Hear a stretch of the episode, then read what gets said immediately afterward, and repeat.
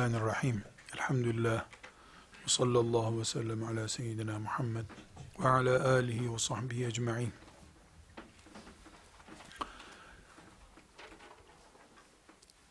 Hadis-i şeriflerle dirilmek için hadisleri, hadis okuma usulünü konuşmayı düşünüyoruz. Elhamdülillah bu yolda olmayı cihat kabul ediyoruz.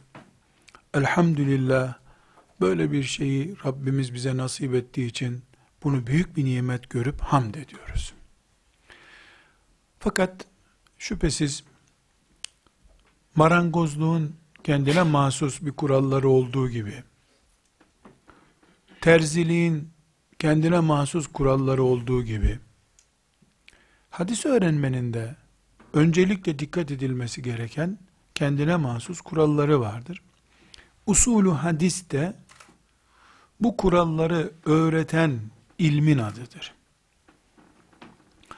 İnşallah ayrıntılarına gireceğiz ama özellikle hadis öğrenecek bir talebenin, hadis meraklısı bir Müslümanın ve genelde şeriat ilimlerinden birisine mera olan bir Müslümanın dikkat etmesi gereken temel ilmi kurallar, ders çalışırken, ders izlerken izlenecek prensipler, vazgeçilmeyecek, taviz verilmeyecek ilkelerden söz edebiliriz. Bunların değerli kardeşlerim en önemlisi özellikle ilk hadis neslinden o dönemin alimlerinden itibaren biyografilerini izlediğimiz alimlerde gördüğümüz ve bize de uyarlandığında inşallah bereketli olacağını umduğumuz kuralları söz ediyorum. Bir kere hadis ilmi bir süreklilik ister. Cuma vaazında veya cuma hutbesinde vaizin anlattığı bir hadisi şerif ders olarak dinlenir. Ama o hadis ilmi kazandırmaz insana. Hadis bir kompleks olarak bütün cül bakışla ele alınmalı. Dinlemesinden uygulamasına, ondan fıkıh hükmü çıkarılmasına kadar hadisin bir bütün şeklinde ele alınması lazım. Sadece işte cuma günleri veya perşembe akşamları Riyazu Salihinden 3-5 hadis okumakla insan hadis alimi olmaz. Hadisten bir şeyler öğrenir, hadis öğrenmek başka. Bunun için bakarken hadis öğrenmeye bir kompleks gözüyle bütün olarak bakmaya çalışmak gerekiyor. İkinci olarak da e, yine camide imam efendinin okuduğu hadisi dinlemekle talebenin hadis okuması arasındaki farkı anlamamız için söylememiz lazım. Bir talebenin dinlediği dersi çalışması en az üçe katlamalıdır. Eski alimlerden Hatip Bağdadi El Cami'ül Ahlakir Ravi isimli kitabı var. Kitabı getireceğim. Burada beraber görüp lezzet alacağız kitaptan inşallah. Kitapları tanıtırken göreceğiz. Ee, orada muhteşem örnekler veriyor. Şu büyük büyük muhaddisler var ya, işte Buhariler filan, onların nasıl yetiştiklerine dair çok güzel örnekler var. E, Cami-ü Beyanil İlm isimli İbn Abdülberr'in yine muhaddislerin e, temel mantık anlatan kitaplarından biridir. Orada güzel örnekler var. E, örneklerin ayrıntılarına girip e, çoğaltmayayım ama çok calibi dikkat şeyler. Mesela e, bu büyük hadislerden bir tanesini zikrediyor. Ders dinliyor hocasından. E, bunu şimdiki gibi MP3'e falan kaydedemiyor tabi. Hocasını dinliyor, not tutuyor. Gidiyor, çalışıyor, çalışıyor. Ya bunları yarın hocasını okuyacak ama. Ne yapabilirim diyor. Boş bir adam da bulamıyor. Bir meczup Bağdat'ta buluyor. Gel gel diyor ona bir harçlık veriyor. Beni dinleyeceksin diyor. O da para aldığı için onu dinliyor. O günkü ders ona tekrar ediyor. Gidiyor, e, mahallede bir hizmetçi buluyor. E, sana bir şeyler anlatacağım, dinlesene diyor. Kadıncağız da işte cariye, hizmetçi neyse anlat diyor. Okuyor, okuyor, okuyor. Kâle Resulullah sallallahu aleyhi ve sellem işte anlatıyor, anlatıyor. E ne diyeceksin bana diyor. Dersimi tekrar ettim diyor. Yani karşılarında canlı biri bulup ona boşalmak istiyor. Hocasının önünde egzersiz yapmış biri olarak çıkacak çünkü.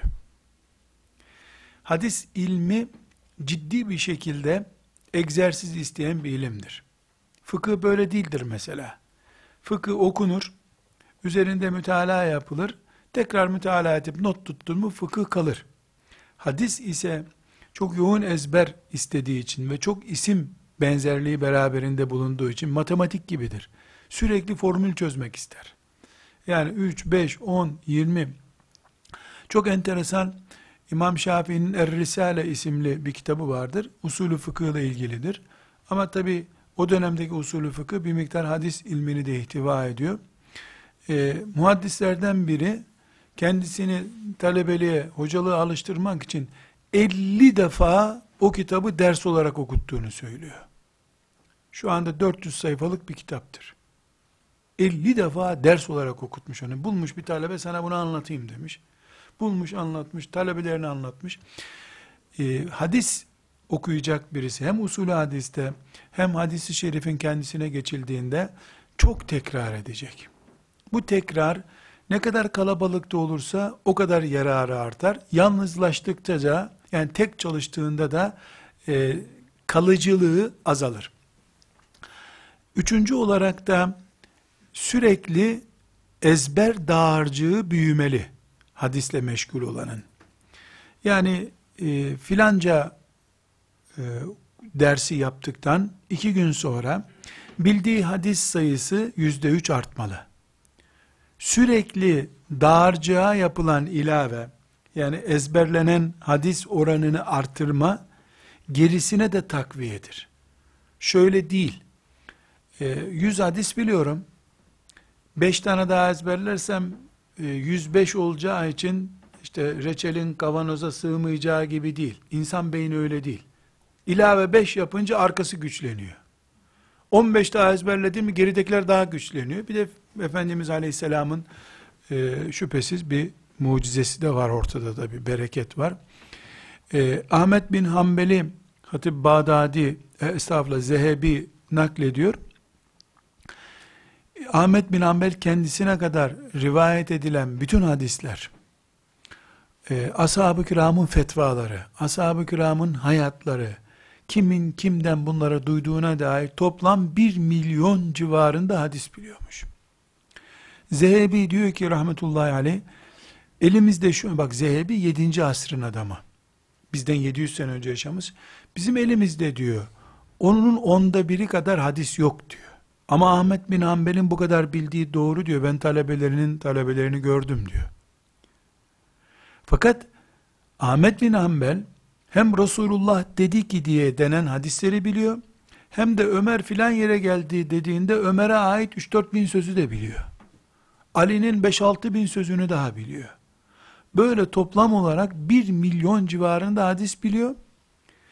Bu biz zannediyoruz ki 50 binden sonra kafası sulanır adamın herhalde. 50 binden sonra zihni açılıyormuş insanın. Yani kullandıkça büyüyen bir beynimiz var bizim elhamdülillah. Hele bir de buna Resulullah sallallahu aleyhi ve sellem Efendimizin mucizevi bir desteği, duası olunca e, hiçbir şekilde de bir zorlukta olmamış oluyor. Hadis hafızı olacak, hadis alimi olacak, hadis meraklısı olduğunu iddia edecek birisi ezberden korkmayacak. Horasanlı bir zatın hatırasını e, çok dikkatimi çekmişti. E, diyor ki ben diyor her ezberlediğim hadisi 490 defa okudum diyor. Bu rakamı merak ettim ben 490 defa niye okumuş? Çünkü bulunduğu medresenin işte filan revaklar var ya bu Osmanlı külliyelerinde. Onun işte şu kadar odası vardı diyor, anlatıyor. her odanın üst katına diyor işte şu kadar basamakla çıkılıyordu diyor. Her hadisi her basamakta okuyacağım diye yemin etmiştim diyor. Bir kere de öyle başlayınca diyor sonra gerek kalmadı ama hepsini yeminime de uydum diyor. 490 defa her hadisi okumuş. Alıyor hocasından dersini o gün not tutuyor. Ee, ondan sonra o birinci basamakta onu okuyor. ikinci basamakta bir daha okuyor. Üçüncü de bir daha okuyor. Böylece de zihnini robotlaştırmış. 490 defa her hadisi okudum diyor. E bu insanın çatlaması lazımdı kafası bizim hesabımıza göre. Çatlama yerine şeytan çatlamış ve onun kafası ilim deposu olmuş elhamdülillah. Hadisle meşgul olan hafız gibi değildir. Hafız e, aşağı yukarı iki ayda hafızlık yapan insan var. E, benim tanıdığım şu anda İlahiyat Fakültesi'nde öğretim üyesi olan bir arkadaş var. 60 günde hafız oldu. Hem de kuvvetli hafızdır. Sonra da Buhari'yi de ezberledi. Hafızlık kolaydır. Çünkü hafızlıkta birbirine benzer 300 tane ayet yoktur. Ama 100 hadis ezberlesen birbirine benzer bin isim ezberlemen gerekiyor. Hadis her zaman daha zordur. Dolayısıyla hafızlık Kur'an açısından bakıldığında 3 yük getiriyorsa hadis hafızlığında 100 yük getiriyordur.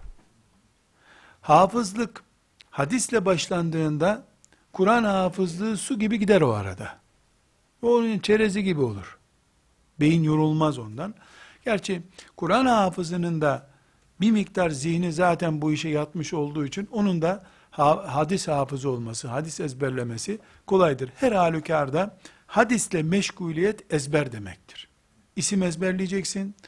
Mesela işte Buhari'nin filan talebesi, filan hocası, filan arkadaşı diye bileceksin. Doğum ölüm tarihlerini bilmek zorundasın. Hadisin e, zayıfını, sahihini ayrıt edebilmen için. Yani hadisle meşgul olan ezberlemekten korkmayacak. 490 olmasa bile 470 defa filan okuyacak her hadisi. Yani bu bahsettiğim insan sıradan bir hadis talebesi filan değil. Koca bir alim. Tabi hemen akla soru geliyor vakit nasıl bulunacak? İşte dananın kuyruğu o zaman kopuyor zaten. Hadise ayırdığım vakit kadar. İnşallah e, Cami-ü Beyanül İlim'den, Hatip Bağdadi'den e, ve İbnül Cevzi'den örnekler vereceğim arkadaşlar. Öncekilerin zeka oranları bizden asla bir milim fazla değilmiş. Çünkü İbnül Cevzi örnek veriyor.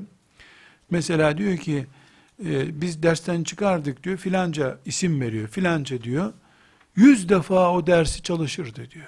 Bir kitabı 200 defa okuyan arkadaş biliyorum diyor. Öbür gün derse gelebilmek için. 200 defa okuduktan sonra anlıyor. Böyle süper zeki insanlar olmadıkları kanaatindeyim. Tek tük İmam Buhari gibi böyle olağanüstü İmam Şafii mesela normal bir insan değil. Allahu alem ya melek mi karışmıştır genine bir şey var onda. Ama büyük kitle olarak eski alimler, muhaddisler zamanı çok iyi kullanan insanlar.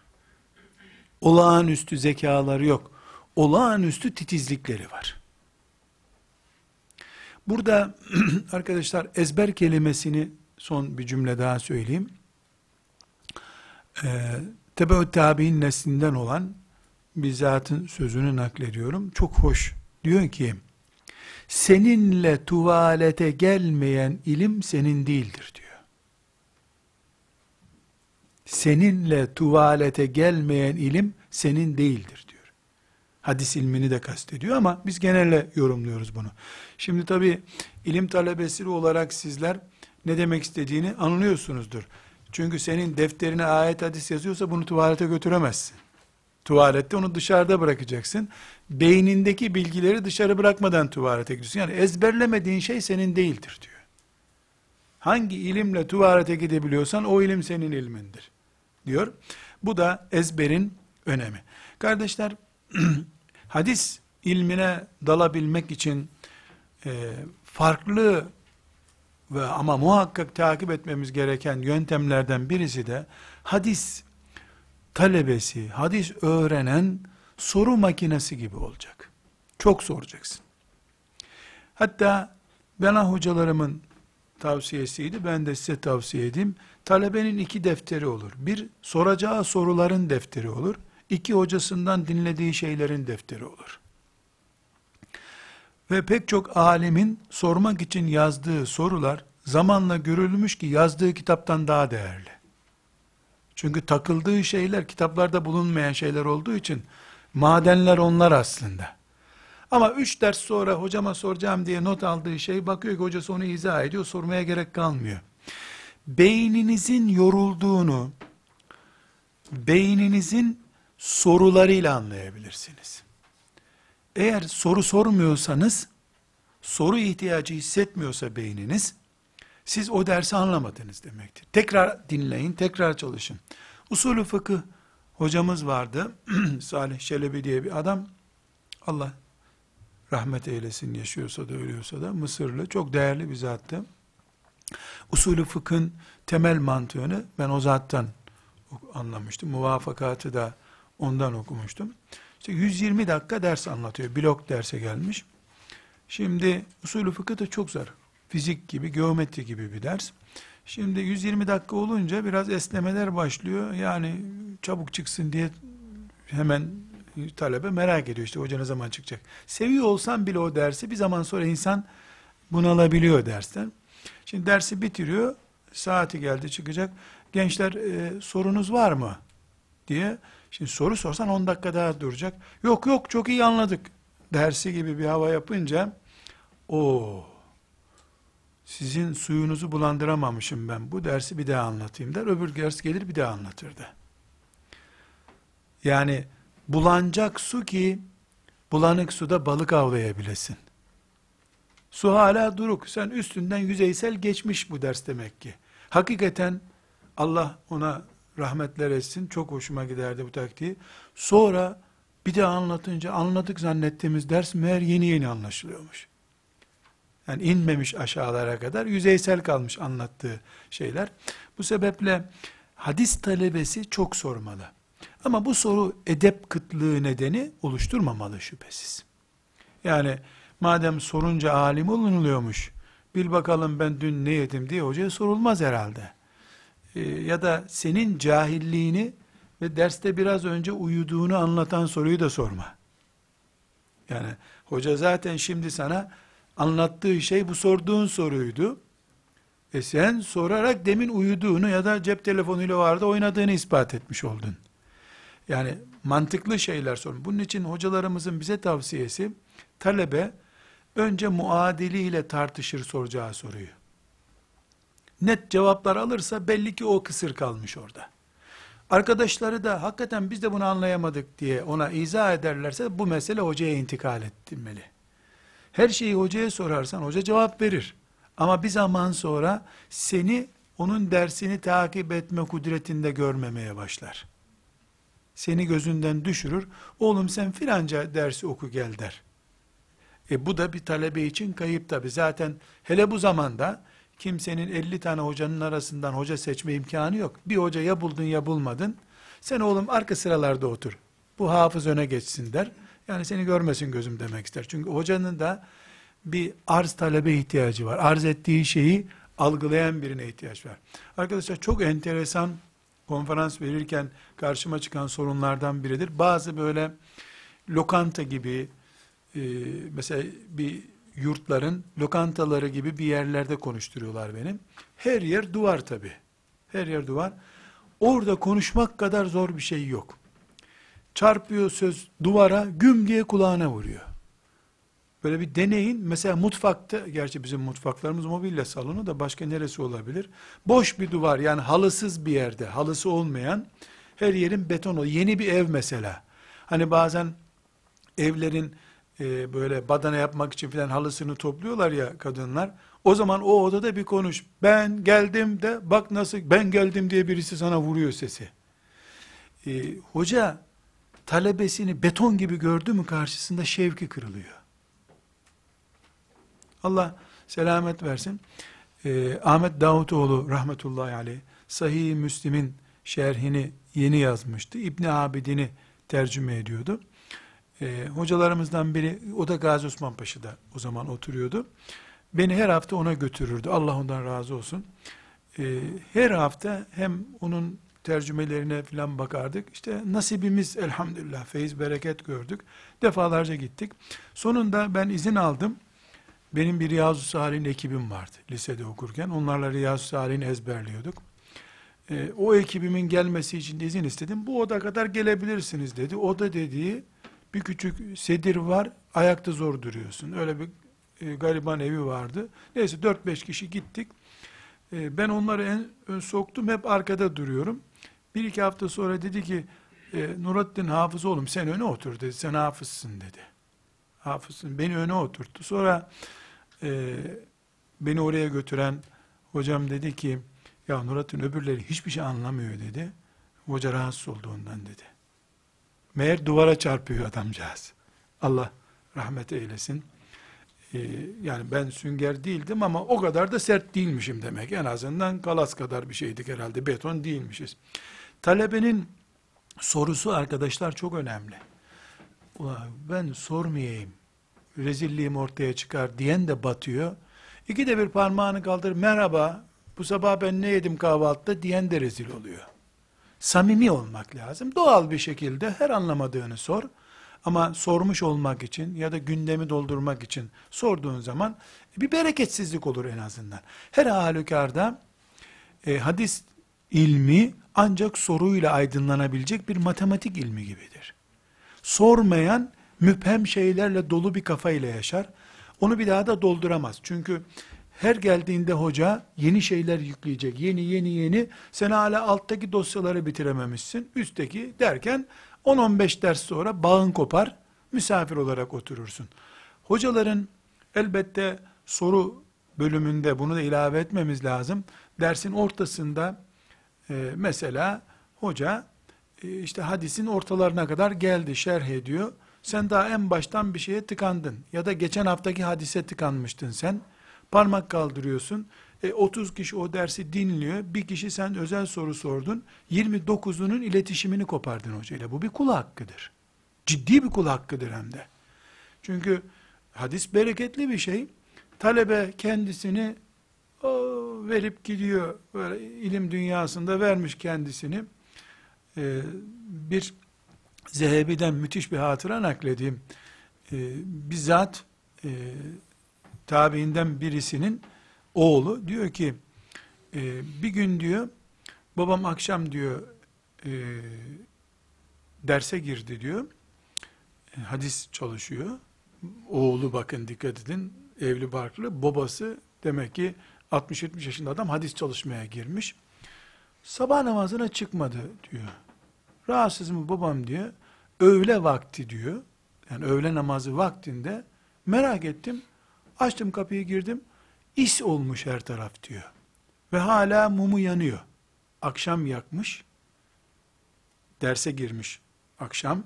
Arkadaşlar dikkat edin akşamla sabah arasında kaç saat var öyle olmuş bir de. Mum yanıyor o da sis olmuş hep. Çırası mı mumu neyi yanıyorsa. Baba demiş. Öğle oldu sen bu mumu niye yaktın israf ediyorsun demiş. Babası dönmüş. Oğlum sen ne yapıyorsun demiş. Resulullah'la bağ mı kopardın demiş. Meğer sabah namazı olmuş adamın haberi yok. Dalmış hadis okuyor öyle. Yani hadis ilmi bereketli bir ilim. Abdullah İbni Mübarek naklediyor. Tabiinden biliyorsunuz. Onun da e, evinde çok oturuyormuş.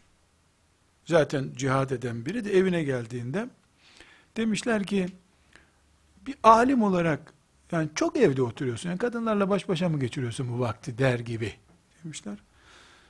Sonra yani bunalmıyor musun evde demişler. Demiş ki ya bir insan Ebu Bekir'le otururken bunalır mı demiş. Enes İbni Malik'le oturan bunalmaz ki demiş. Yani hadis çalışıyorum evde diyor. Demek ki hadis böyle bir lezzet. 30 kişi ders dinliyorsun. Sen o arada geç kalmışsın. O derse gelmemişsin. Arkadaşlarına da kaçırdığın dersi telafi etmemişsin. Dersin ortasında ulu orta böyle e, damdan düşer gibi soru soruyorsun. E, zaten insanlar zoraki toplamışlardı kendilerini. Hoca sana dönüp cevap veriyor ya da vermese bile sen elektriği kestin zaten, iletişimi kestin. Bu bir kul hakkıdır. Bu insanlar bir daha 20 dakika sonra ya toplanacaklar ya topla ya da o ders bitecek o arada. Bu sebeple soruya çok hassas bir cerrahi müdahale gibi bakmak lazım. Müdahale etmesen her taraf mikrop olacak. Cahilliğin büyüyecek. Müdahale etsen e, bir daha kangren de yapabilirsin. Bir soru kültürü, soru terbiyesi olması çok yararlı. Arkadaşlar, e, hadis ilmiyle meşgul olmak, okumak ve yazmak demektir. Okumak ve yazmak. Yani hadis alimi olup da günde bizim ölçülerimize göre böyle 100-200 sayfa okuyan yoktur arkadaşlar. Taberi rahmetullahi aleyh, Taberani değil, Taberani daha sonraki bir alimdir. Taberi, meşhur tefsir kitabı olan, aslı hadis alemidir. Tefsiri de zaten hadisle doludur. Tarihi de var, tefsiri de var. Tefsiri 30 cilttir, tarihi de ona yakındır. E, vefatına yakın zamanlarda e, yani talebelerinden biriyle bir konuşma geçiyor arasında. E, işte ne kadar okuyorsun filan da o da işte 300 sayfa anca okuyorum günde filan gibi böyle yani riya yapmadan söylemeye çalışıyor. Elini başına almış. İnna lillahi ve inna ileyhi raciun. Ne günlere geldik yahu demiş. Hiç okumadan insanlar yaşıyor demiş. Arkadaşlar 300 sayfa master tezi yazıyor insanlar şimdi. Doktora tezi yazıyorlar. 5 senede. Adamlar okumaktan ve ilimden demek ki ne büyük şeyler anlamışlar. Talebe arkadaşlar, hadis talebesi, bir gözüyle okuyacak, öbür gözüyle de yazdığını takip edecek. Yani çift el, çift göz yetmez. Dört göz, dört elle yaşayacak. Bir de tabi bizim bereketsiz zamanımızda talebe adam not defteri yok yanında, kalemi yok yanında. Büyük bir afet bu. Talebenin iki kalemi olur. Birini kullanır, birini de kazara ucu mucu kırılırsa lazım olur diye onu hemen e, yedeğinde bekletir. Çantasında yedek defteri olur. Bu çok önemli arkadaşlar. Mesela kurşun kalem kullanmaz talebe. Kurşun kalem silmek için kullanıyorsan bu vakit israfıdır. Üstünü çiz. Çünkü kağıt israfı vakit israfı kadar değerli değil. Kağıt israfı da iyi değil ama silmeye harcadığın vakit çok gereksiz. Üstünü çiz devam et. Hem hatanın da ne olduğunu görmüş olursun. İleriki de baktığında. İkincisi kurşun kalem hangi cinsi olursa olsun ya basıp ucunu açmayı ya da kalem bıçağıyla açmayı gerektiriyor. Hepsi bunların vakit israfı arkadaşlar. Mürekkebini, kağıdını, kalemini dikkat edecek talebe. Aksi takdirde çok basit şeylerle vakit geçirir. Kardeşlerim, ilimle meşgul, hadis ilmiyle meşgul, ilmin feyiz ve bereketiyle meşgul olacak bir insana tavsiyemizin en başında aslında dua geliyor. Dua edecek. Rabbi zidni ilmen. Rabbi zidni ilmen. Ve elhikni bis salihin. Benim ilmimi artır ya Rabbi. Beni salihlere kat diye dua edecek. Fiilen uygulama olarak bu duayı yapacak. Rabbi zidni ilmen demezsen, yani sen de Mercedes duası yaparsan, sen de işte iyi bir helikopterim olsun duası yaparsan, inşaatçıyla farkın kalmaz senin. Esnaf değilsin sen. Sen hadis talebesisin. Allah'tan duan, beni Buhari'den geri bırakma ya Rabbi de. Beni bu zamanın Enes İbni Malik'i yaptı. Ben de Ayşe olmak istiyorum ya Rabbi. Beni geri bırakma. Zihnimi aç, engel vermede. Çünkü arkadaşlar her şey ders çalışmak değil. Maazallah annen ağır hasta olur, her şeye ara verirsin. Maazallah sende bir hastalık çıkar, üç ay hastanede yatman gerekir, bitti işte. Bütün bunlar bir yani inkıta ve boşluk olmaması için dua ile Allah'ın bizi desteklemesine çok yatırım yapmamız lazım. Eğer bunu beceremezsek o zaman biz e, kendi kendimize bitirmeye çalışırız. Bu büyük yol kendi kendine bitmez. İlla Allah sana yardım gönderecek. Kardeşler, hadis okumanın belki de duadan önce de zikredilmesi gereken şartı sünneti ve Resulullah'ı seveceksin. Aslında gizli bir test olarak bunu konuşabiliriz. Yani alenileştirmeyelim bu testi. Hadise olan merakın kadar da Resulullah seviyorsundur sen.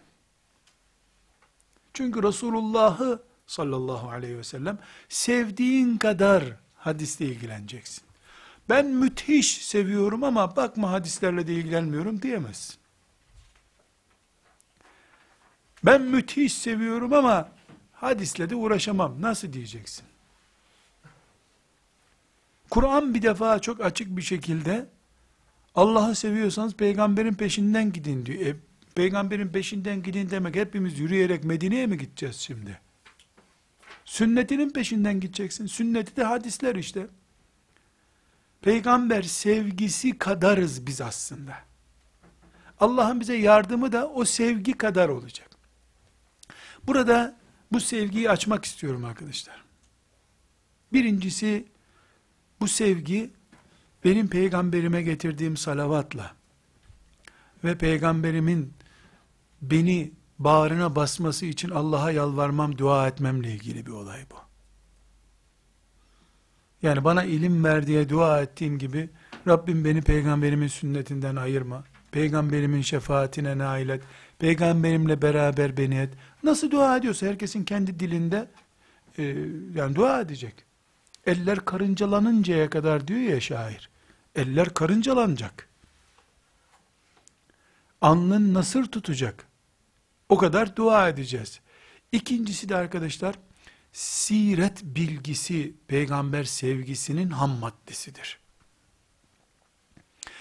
Hangi siret kitabı sorulduğunda ise vereceğim cevap çok önemli.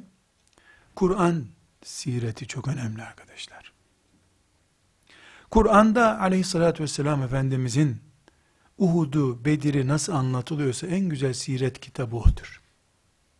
Peki niye biz sireti Enfal suresindeki Bedir'den, Ali İmran suresindeki Uhud'dan öğrenmiyoruz da, filan yazarın siret kitabı hoşumuza gidiyor? Neden biliyor musunuz arkadaşlar?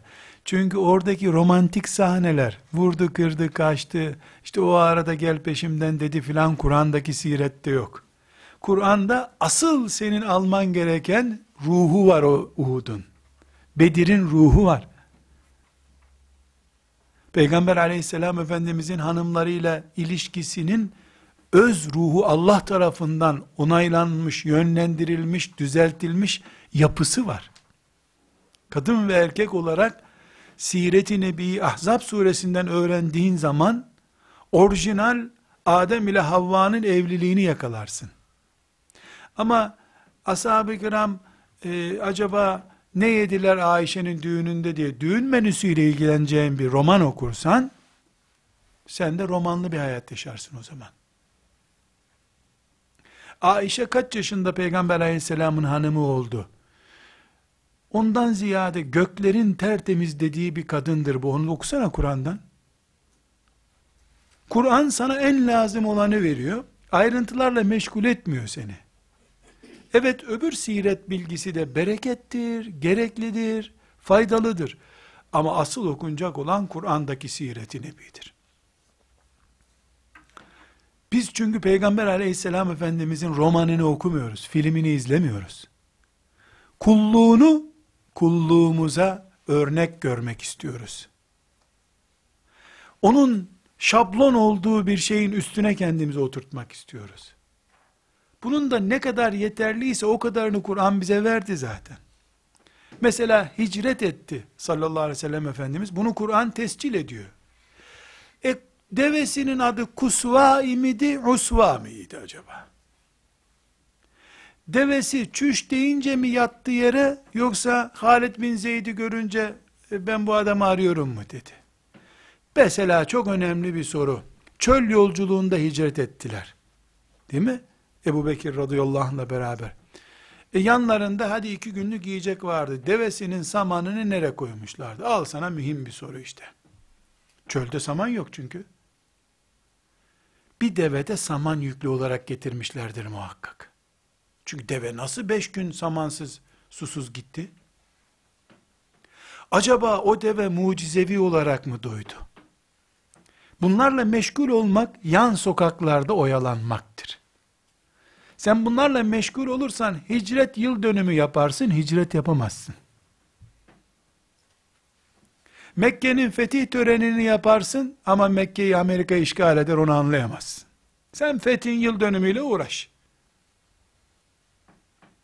Bunun için Peygamber aleyhisselamı sevmek, o sevgiyle, o sünnet sevgisiyle yaşamak hadis ilmi için oksijen gibidir arkadaşlar. O sevgi, peygamber sevgisi bir hadisi bir kere duyup kafana girmesi için yeterli olur. Yeterli hale getirir.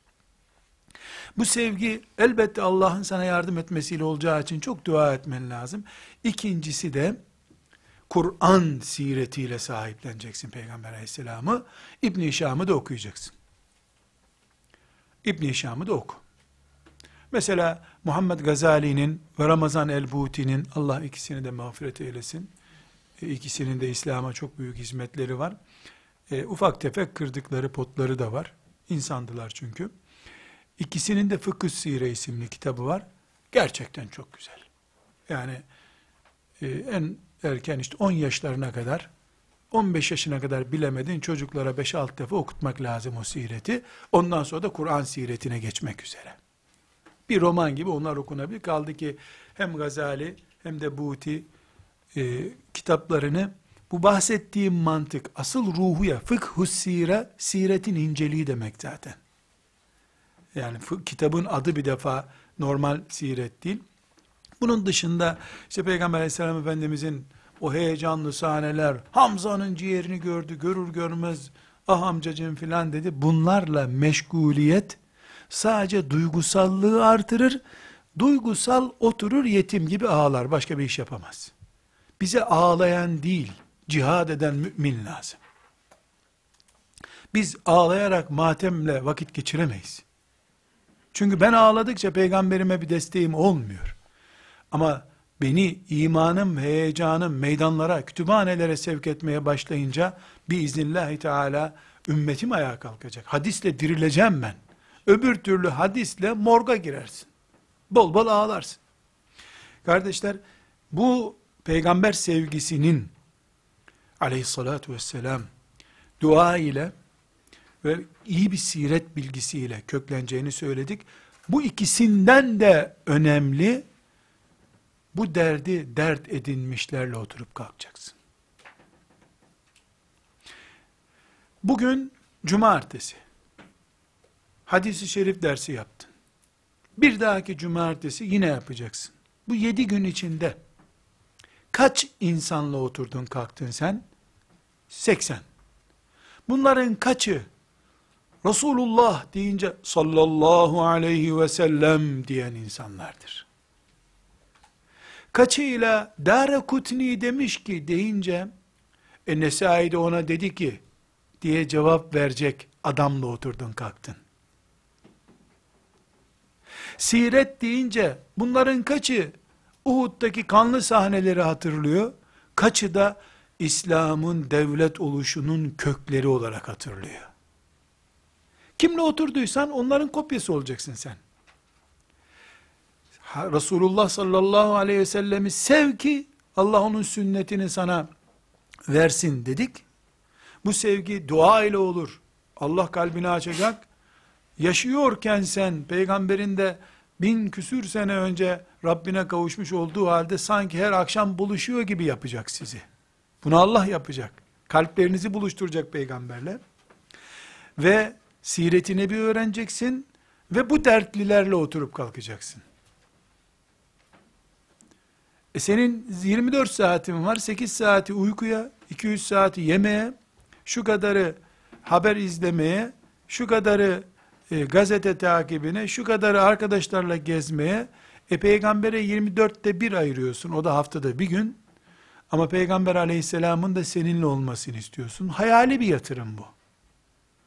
Bunun için kimle oturup kalktığım çok önemli. En azından ben hadis alimi olamasam da, derdi hadis olanlarla yanıp kavrulurum ya, bitti. Nasıl mesela trafik suçlularını adi suçlu diye bir koğuşa koyuyorlar zindanda.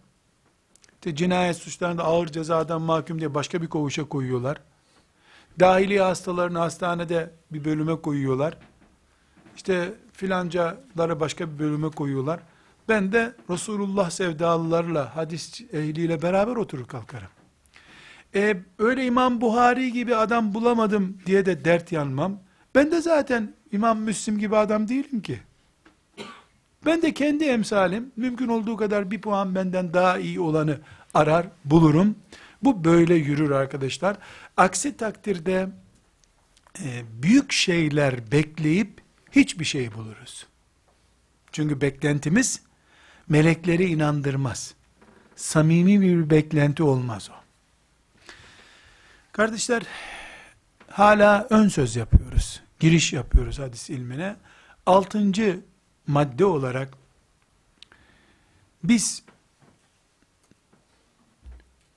toplu olarak hocanız, ağabeyiniz, talebeler, kardeşler olarak elbette Enes İbni Malik'in, Ahmet bin Hanbel'in, İmam Bukhari'nin, Ebu Hanifelerin bulunduğu listede ne işimiz var bizim oralarda? Küçüklüğümüzü itiraf ederiz. Ama küçüklüğümüz büyümemize engel değildir bunu da biliriz. Bir insanın alim doğması şart mı? O zaman niye ilim gereksin ki zaten?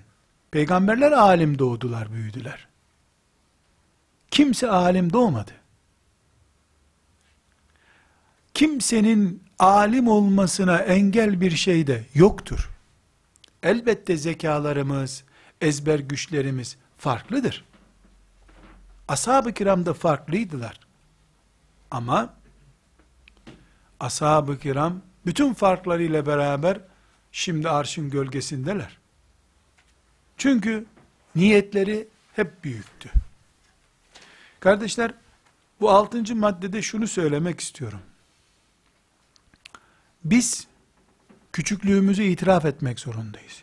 Küçük derken yani küçük bile değiliz aslında. Ana cisme bakıldığında bizim ölçülecek bir boyutumuz da yok. Ama büyümemize bir engel yoktur. Şeytan özellikle olmaz. Sen boşuna uğraşıyorsun der, diyecek. Bu da onun bir silahıdır. Allah önümü açtıktan sonra olmaz diye bir şey yoktur der ve yolumuza devam ederiz. Böyle düşünemeyenler kendi kendilerinin kuyularını kazarlar kardeşler. Olmaz, yapamazsın sözünü şeytan muhakkak söyleyecek. Önemli değil yapamadığım. Yapmak için uğraşmam önemli deriz biz. Zira arkadaşlar İmam Bukhari'nin Ahmet bin Hanbel'in kendi gününde de Ahmet bin Hanbel bugünkü Ahmet bin Hanbel değildi. Emsallerinin içinde biraz daha sivriydi. İmam Bukhari emsallerinin içerisinde sivriydi. Bugünkü imam değildi. Asırlar onu en sonunda eşi benzeri on asır ardarda gelmeyince tek adam haline getirdi. Ben eğer bugün için 2013 yılı için yaşıyorsam el hak küçüküm gittim demektir. Ümmeti Muhammed 2113 yılında beni hayırla ansın, melekler o zaman benim dosyalarımı açsın diye çalışıyorsam, henüz o zamana 100 sene var. Şimdiden o gün için karar vermemek lazım. Ben bir fidan olarak bu ümmetin toprağına dikileyim, benim meyvemi kimin yiyeceği hiç önemli değil. Ne zaman büyümemi Rabbim takdir ederse o zaman büyüyeceğim. Hayır içinde böyle, şer içinde böyle. İlimde kendimizi küçük görürüz, büyüyemez görmeyiz. Çok fark var ikisi arasında. Küçüklüğümüzü kabul etmezsek kibir olur, gurur olur. Allah bize açmaz kapılarını o zaman. Bu felsefeyi bu şekilde zihnimize yerleştirelim. Yedinci maddemiz kardeşler, ilmimiz, öğreneceğimiz şey sünnet olacak inşallah. Biz sünnet deyince Kur'an'ın tefsirini anlıyoruz. Yani vahiy anlıyoruz. Elbette biraz imanı olan herkes anlar ki yani bu sünnet bizim 2013 yılında İstanbul'da Resulullah sallallahu aleyhi ve sellem'den 1400 küsür sene sonra üzerine bu kadar yatırımlar yapılmış, binlerce, on binlerce kitaplarla aydınlatılmış, şerh edilmiş. Biz Enes İbni Malik'in işi kolaydı. 3000 hadis biliyordu, bittiydi. Şimdi sadece Buhari ve Müslim etrafında 3000'den fazla kitap var ya. Hangi birini kuşatacaksın? Elbette biz sünneti merak ediyoruz derken Resulullah sallallahu aleyhi ve sellemin bi'setinden bugüne kadar ki bütün sünnet dünyasını kuşatıyoruz diye bir iddiamız yok. Güneşi alıp evimin içine koymak gibi bir derdim yok benim. Güneşin ışığından payıma düşeni almak istiyorum. Sünnet büyük bir derya. Benim kovamla bu taşınmaz baştan sona kadar. İmam Buhari de taşıyamadı zaten. Ahmet bin Hanbel de bir milyon hadis bilmesine rağmen o da bütününü sünnetin taşıyamadı. Ama payına düşeni çok iyi taşıdı. Ben Resulullah sallallahu aleyhi ve sellem Efendimizin sünnetini bütünüyle kuşatmak gibi saf bir iddiada bulunmam. Yerine gelmez bu zaten. Ama güneşin bütününü almayıp sadece benim payıma düşenden iyi aydınlanayım dediğim gibi sünnetten de mümkün olduğu kadar aydınlanırım. Peki yüz olan sünnet birikimi benim elime üç geçerse ne olacak? Hiç önemli değil. Bir önceki maddede ne dedik? Hiç önemli değil. Neden hiç önemli değil? Çünkü biz Resulullah sallallahu aleyhi ve sellemin eteğine takılmak istiyoruz. Alim olmak diye de bir derdimiz yok aslında. Bizim katıldığımız kervan belli olsun. Ondan sonra ben hadis bilsem de bilmesem de Allah ilhamla, feyiz ve bereketle önümü açacak benim. Açtı belli kullarınınkini. Bu sebeple arkadaşlar şimdi burada e, Kesir İbni Kays isimli tabiinden bir zat Kesir İbni Kays bu zatın Ebu Derda radıyallahu anh ile ilgili bir hatırası var. Dolayısıyla bir hadisi şerifi e, bize naklediyor. Bu bahsettiğim yedinci maddedeki sünnet kocaman, güneş gibi. Biz bunun tamamını kuşatamayız. Sözünden akşam yattığımızda ve yarın inşallah ders için müzakereye oturduğumuzda ne yaptığımızın şuurunu bize versin diye bu hadis-i şerifi naklediyorum. Ee, bu hadis-i şerif Ebu Davud'da 3641. hadistir. Tirmizi'de 2682. hadis, İbn Mace'de de 223. hadis-i şeriftir. Bu e, rivayetleri bu şekilde niye zikrediyorum arkadaşlar? Artık siz hadis-i şerif öğreniyorsunuz. Demiş ki yiyormuş gibi olmaz. Yerine müracaat edeceğiz. E, elbette e, başta Bukhari Şerif olmak üzere bütün hadis kitaplarını da toplamaya yemin edeceksin. E, ondan sonra yavaş yavaş spor ayakkabından başlayarak satıp bir kitap alacaksın. Üç kaleminden birini satıp onunla küçük bir risale alacaksın. Kütüphanen kurulacak. Hiçbir şekilde dijital kitaplar tatmin etmez. Masaya koyup böyle kağıdı göreceksin. Ee, Nun vel kalemi ve ma yesturun. Biz satırlardan feyiz bereket alacağız. Teknoloji de masamızın bu tarafında duracak. Kitaplarımız bu tarafında duracak. Yok sağda kitaplar dursun, solda bilgisayarımız dursun. Ee, hem kitabımızı alacağız, hem yavaş yavaş araştırmaya da bakacağız. Şimdi Ebu Davud, Tirmizi ve İbn Mace'den hangisi evimizde varsa hemen bu hadis-i şerifi bu numaralardan bulacağız. Genelde hadis-i şerifi hangi kitaptan nasıl bulacağımıza dair ileriki derslerde mesela Ebu Davud nasıl kullanılıyor? Buhari'nin kullanımı farklı, Ebu Davud'un farklı, Ahmet bin Hanbel'in farklı. Bu kullanım nasıl bize e, yansıyacak onu görüşeceğiz inşallah. Kesir İbni Kays Allah ondan razı olsun böyle tatlı bir hatırayı bize naklediyor. Diyor ki Ebu Derda biliyorsunuz ashab-ı kiramdan radıyallahu anh Dimeşk'ta Dimeşk bugünkü Şam. E, Dimeşk'ta oturuyordu. Mescitte oturuyordu. Bir adam geldi. Dedi ki Ebu Derda e, ben hadisi metninden okuyayım çünkü çok heyecanlı bir şey var. İnni ci'tuke min medinetir Rasuli sallallahu aleyhi ve selleme li hadisin belagani enneke tuhaddisuhu an Resulillahi sallallahu aleyhi ve sellem ma ci'tu li hacetin diyor ki Ebu Derda Resulullah'ın Medine'sinden geliyorum. Yani Medine-i Münevvere'den Şam'a gitmiş adam. Başka hiçbir işim yok. Sadece senin Resulullah'tan duyduğunu, duyduğum bir hadisi senden öğrenmek için geldim. Tek bir hadis öğrenmek için duymuş ki Ebu Derda şöyle bir hadis biliyor. O hadisi öğrenmek için kalkmış Medine'den Şam'a gitmiş arkadaşlar. Medine ile Şam arasını haritada bir bakın kaç kilometre. Şimdi böyle kuş bakışı bir bakın kaç kilometre, 2000 kilometre civarında bir yol gitmiş, bir hadis öğrenecek. Ebu Derda'yı mescitte bulmuş. Ebu Derda da bakın ona ne cevap veriyor. Bu bölümü bizimle ilgili şimdi. Şimdi Ebu Derda bir sahabi. Resulullah'ı tanıyor sallallahu aleyhi ve sellem. Medine'den Şam'a kadar tek bir hadis ya, bir satırlık bir hadis. O hadisi öğrenmek için Medine'den Şam'a kadar gitmenin Allah katında ne olduğunu çok iyi biliyor Ebu Derda. O öğreneceği hadisi, yani adam ona soracak filan konuda ne demişti Resulullah. Ama Ebu Derda önce ona diyor ki, bak ben Resulullah'tan ne duydum diyor. O adamın konusuna gelmemiş henüz. Men seleke tarikan yatlubu fihi ilmen selekallahu bihi tarikan min turukil cenneti. Kim ilim öğrenmek için yola çıkarsa Allah onun yolunu cennet yollarından biri yapar. Adamın sorusuna cevap değil bu henüz. Adamı değerlendiriyor. İnşallah bu dersimizi değerlendiriyor. Niyetine göre en başta ne dedik? Herkes niyetine göre tabi. Ve innel melâkete letada'u ecnihateha ridan li talibil ilm.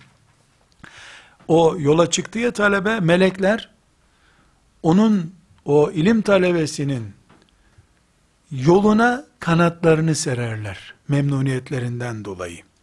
Ve innel alime le yestağfiru lehu men fis semavati ve men fil ard vel hitanu fi cevfil ma.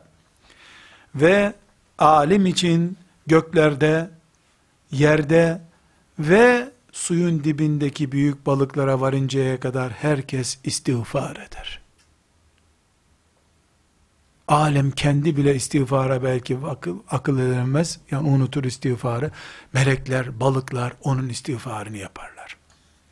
Ve inne faddel alimi alel abidi alimin sadece ibadet eden, namaz kılan, başka bir iş yapmayan, yani alim Müslümanın, alim olmayan Müslümana farkı kefaddil kameri leyletel bedri ala sairil kevakib ayın 14'ünde parlayan gökteki ayın diğer uzaklardaki yıldızlara farkı gibidir. Müslüman olduğu için hepsinde bereket var. Adam cahil de olsa mümin, cennetlik adam. Ama alim adam ay gibi parlıyor. Allah katında. Ve innel ulemâe varasetul enbiya ve innel enbiya lem yuverrithu dinaran ve la dirrahmen varrathul ilme فَمَنْ اَخَذَهُ اَخَذَ بِحَظٍ وَافِرٍ Alim, alimi tanıtıyor Ebu Derda radıyallahu anh. Peygamberler altın gümüş bırakmadılar. İlim bıraktılar. O ilimden alan da peygamberden büyük pay almıştır deyip adamı oturtmuş şimdi ne soracaksın sor demiş. Bizi ne ilgilendiriyor burada? Hadis öğrenmek için yola çıkan birisini Ebu Derda radıyallahu anh nasıl değerlendiriyor? İnşallah biz de burada hadis-i şerifle meşgul olmakla hangi konumdayız? Biz kendimizi bu gözle değerlendirmezsek, e melekler niye bizi böyle değerlendirsin ki? Bulunduğumuz konum Allah'ın lütfudur. Rabbimiz ihsan etti, bizi hadis okumak nimetiyle karşılaştırdı. Bu nimetin kadri kıymeti bilinirse Allah artırır. Hiçbir şey değilmiş gibi Yani bu bilgisayar programını çözüyormuşuz gibi kabul edersek verdiği nimeti geri çeker Allah. Kimseye muhtaç değil. Gelir başka bir kulu Allah'ın bu sefer o oturur Resulullah'ın hadislerine ömrünü feda eder. O kazanır. Ve sallallahu ve sellem ala seyyidina Muhammed ve ala alihi ve sahbihi ecma'in. Velhamdülillahi Rabbil alemin. قل كنتم تحبون الله فاتبعوني يحببكم الله ويغفر لكم ذنوبكم. والله